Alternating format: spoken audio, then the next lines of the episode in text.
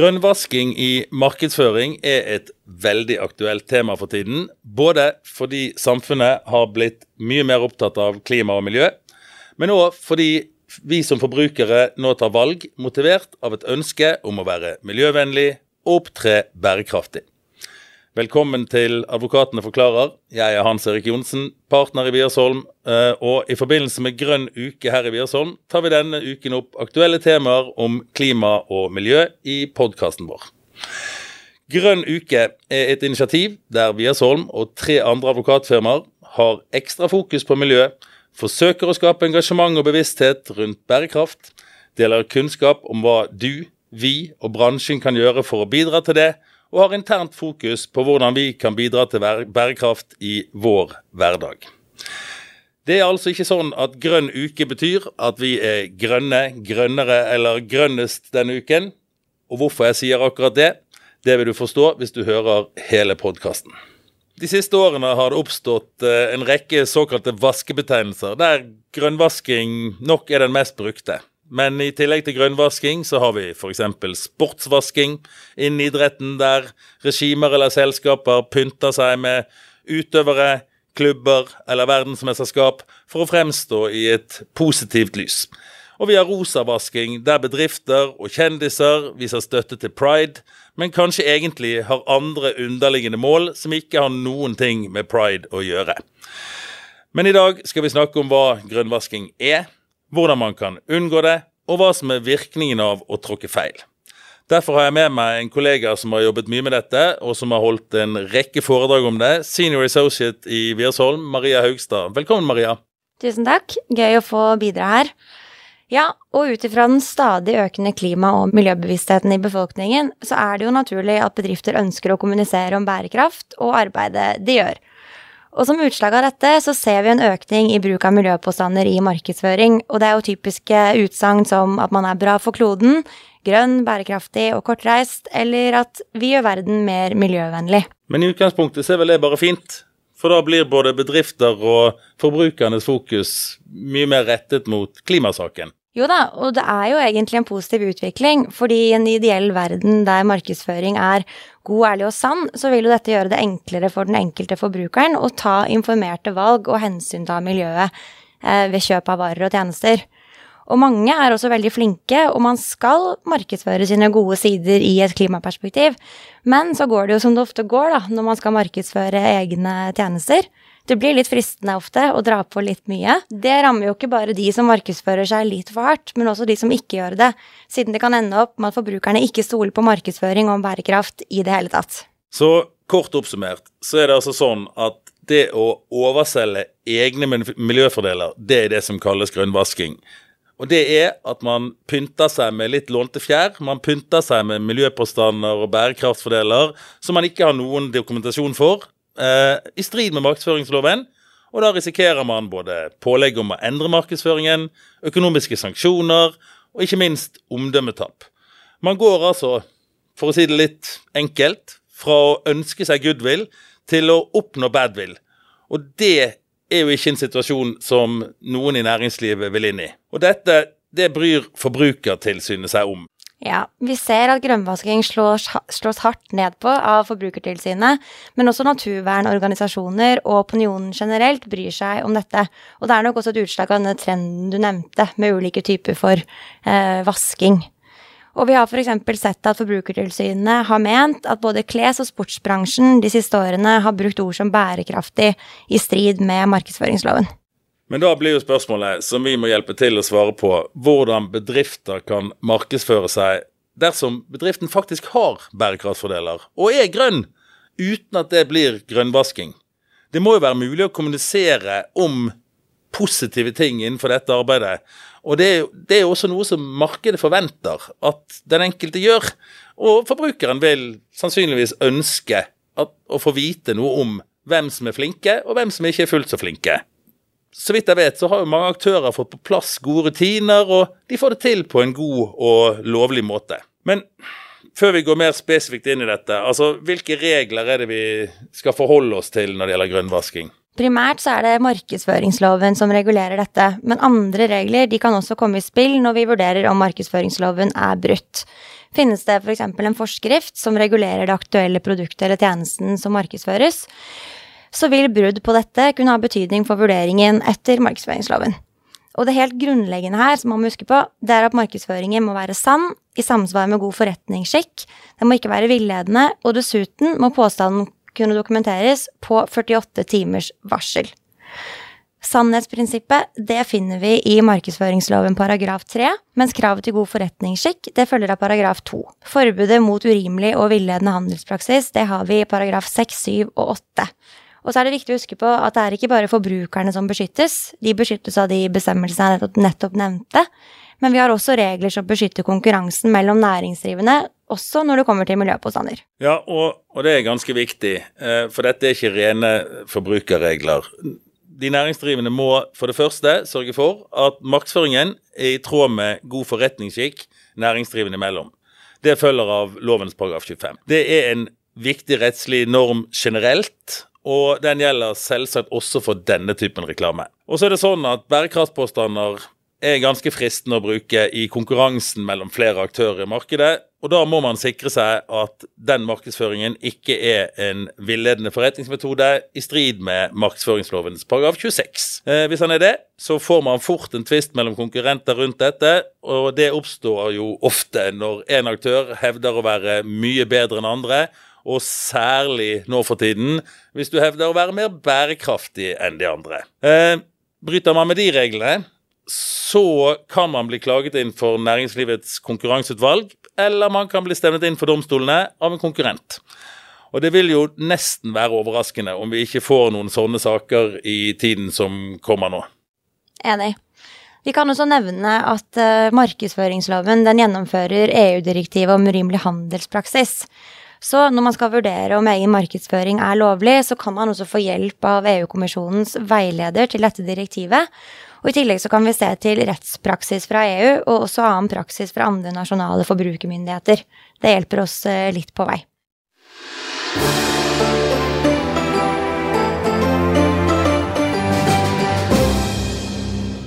Det som er en utfordring her, er jo at det finnes ingen definisjon av hva en miljøpåstand er, verken i lov eller forskrift. Um, så da må vi lene oss på det som er det alminnelige, og da vil man fort si at miljøpåstander det er typisk det å bruke påstander, utsagn, opplysninger, merkeordninger eller symboler som gir mottakeren av budskapet inntrykk av at eh, den næringsdrivende tar spesielle miljømessige hensyn, eller at produktet har spesielle miljøegenskaper.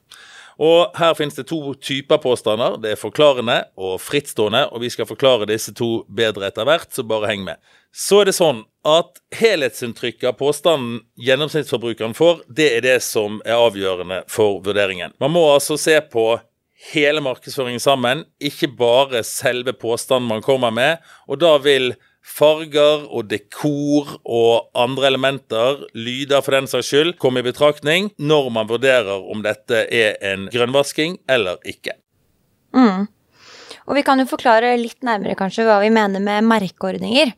Og det er jo typisk en logo eller et symbol som i seg selv indikerer at, produkt, at et produkt er miljøvennlig, og som gir inntrykk av at noen andre har vurdert produktet og kommet frem til at det er nettopp det.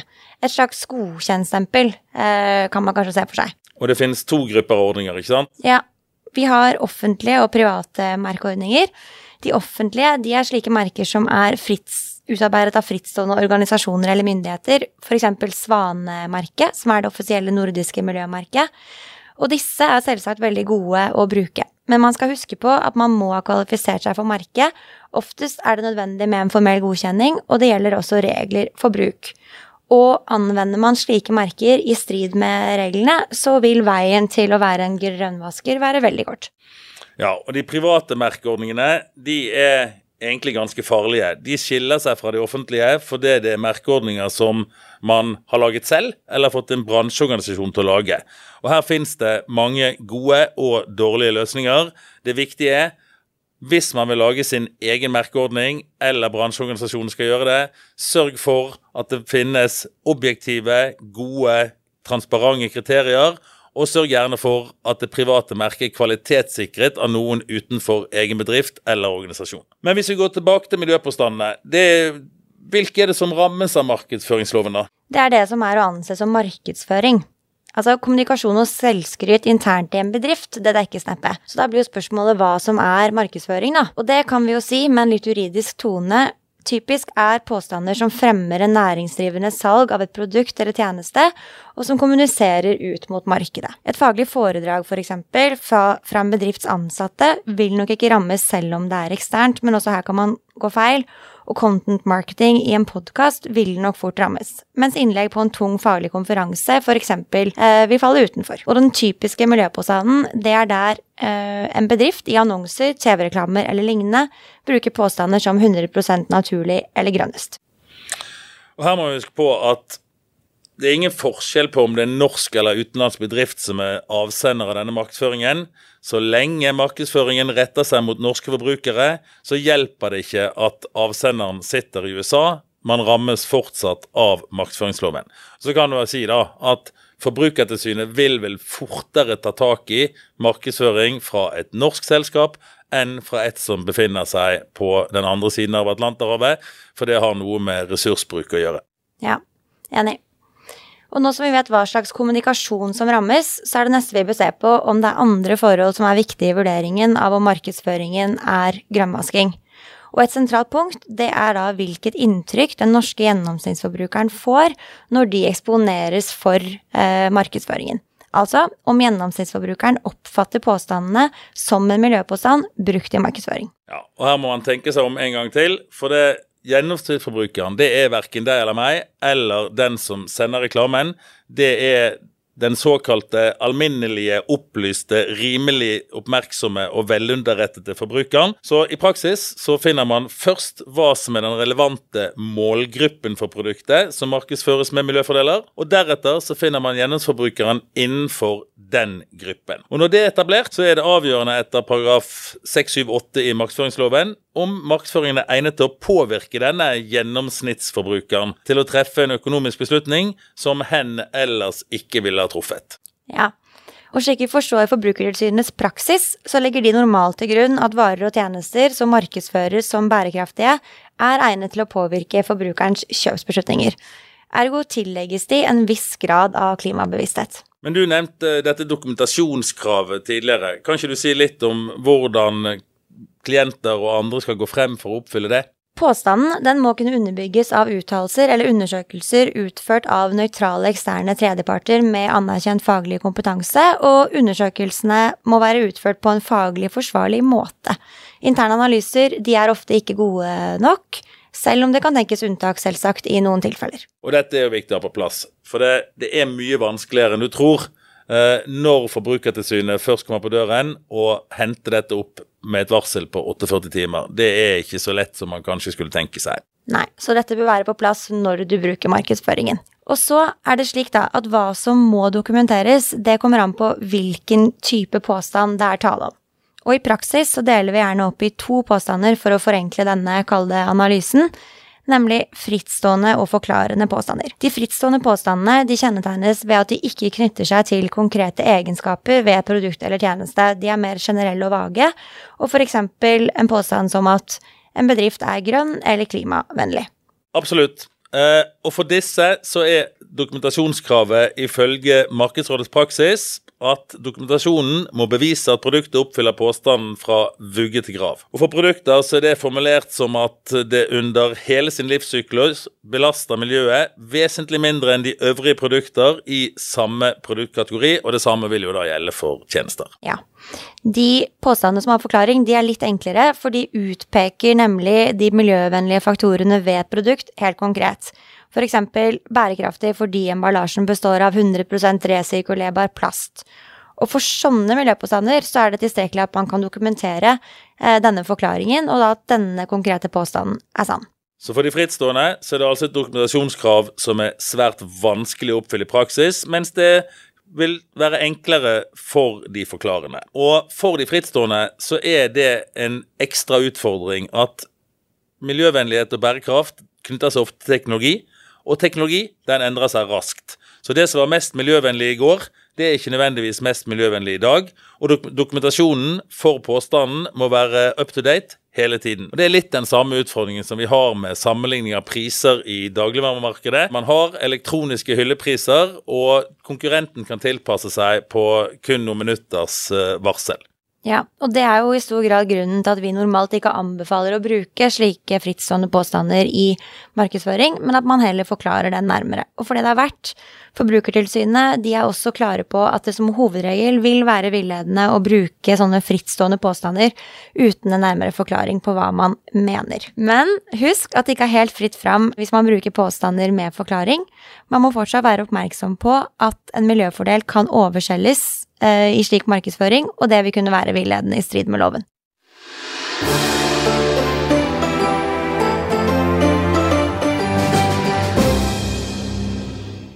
Så er det selvsagt sånn at EU de er i gang med nye regler på dette området. Som en del av EUs Green Deal så er det bl.a. foreslått en utvidelse av den såkalte svartelisten i direktivet om urimelig handelspraksis, som skjerper næringsdrivendes plikter med hensyn til miljømarkedsføring. I EUs Green Deal så inngår også strategien Farm to Fork, som f.eks. For inneholder forslag til standardisert bærekraftsmerking på produkter og alt dette det kommer vi til å følge opp i nyhetsbrevet vårt, som kommer hvert kvartal. Men Maria, nå har vi snakket mye juss. Hva slags råd kan vi gi til klientene våre, kort oppsummert? Bruk Hales forklarende påstander. Hvorfor har ditt produkt miljøfordeler? Ikke overselg miljøfordelene dine. Vær presis. Et tips for å unngå den type oversalg av miljøfordeler, det kan være å bruke en relativ påstand, f.eks. bedre for miljøet eller mindre skadelig for miljøet, istedenfor godt for miljøet. Videre så anbefaler vi å fokusere på sannhet og bruke påstander en forbruker forstår. Ikke forvent for mye av hva forbrukeren har innsikt i. Sørg også for å ha dokumentasjon som dokumenterer påstanden din, og ha den tilgjengelig.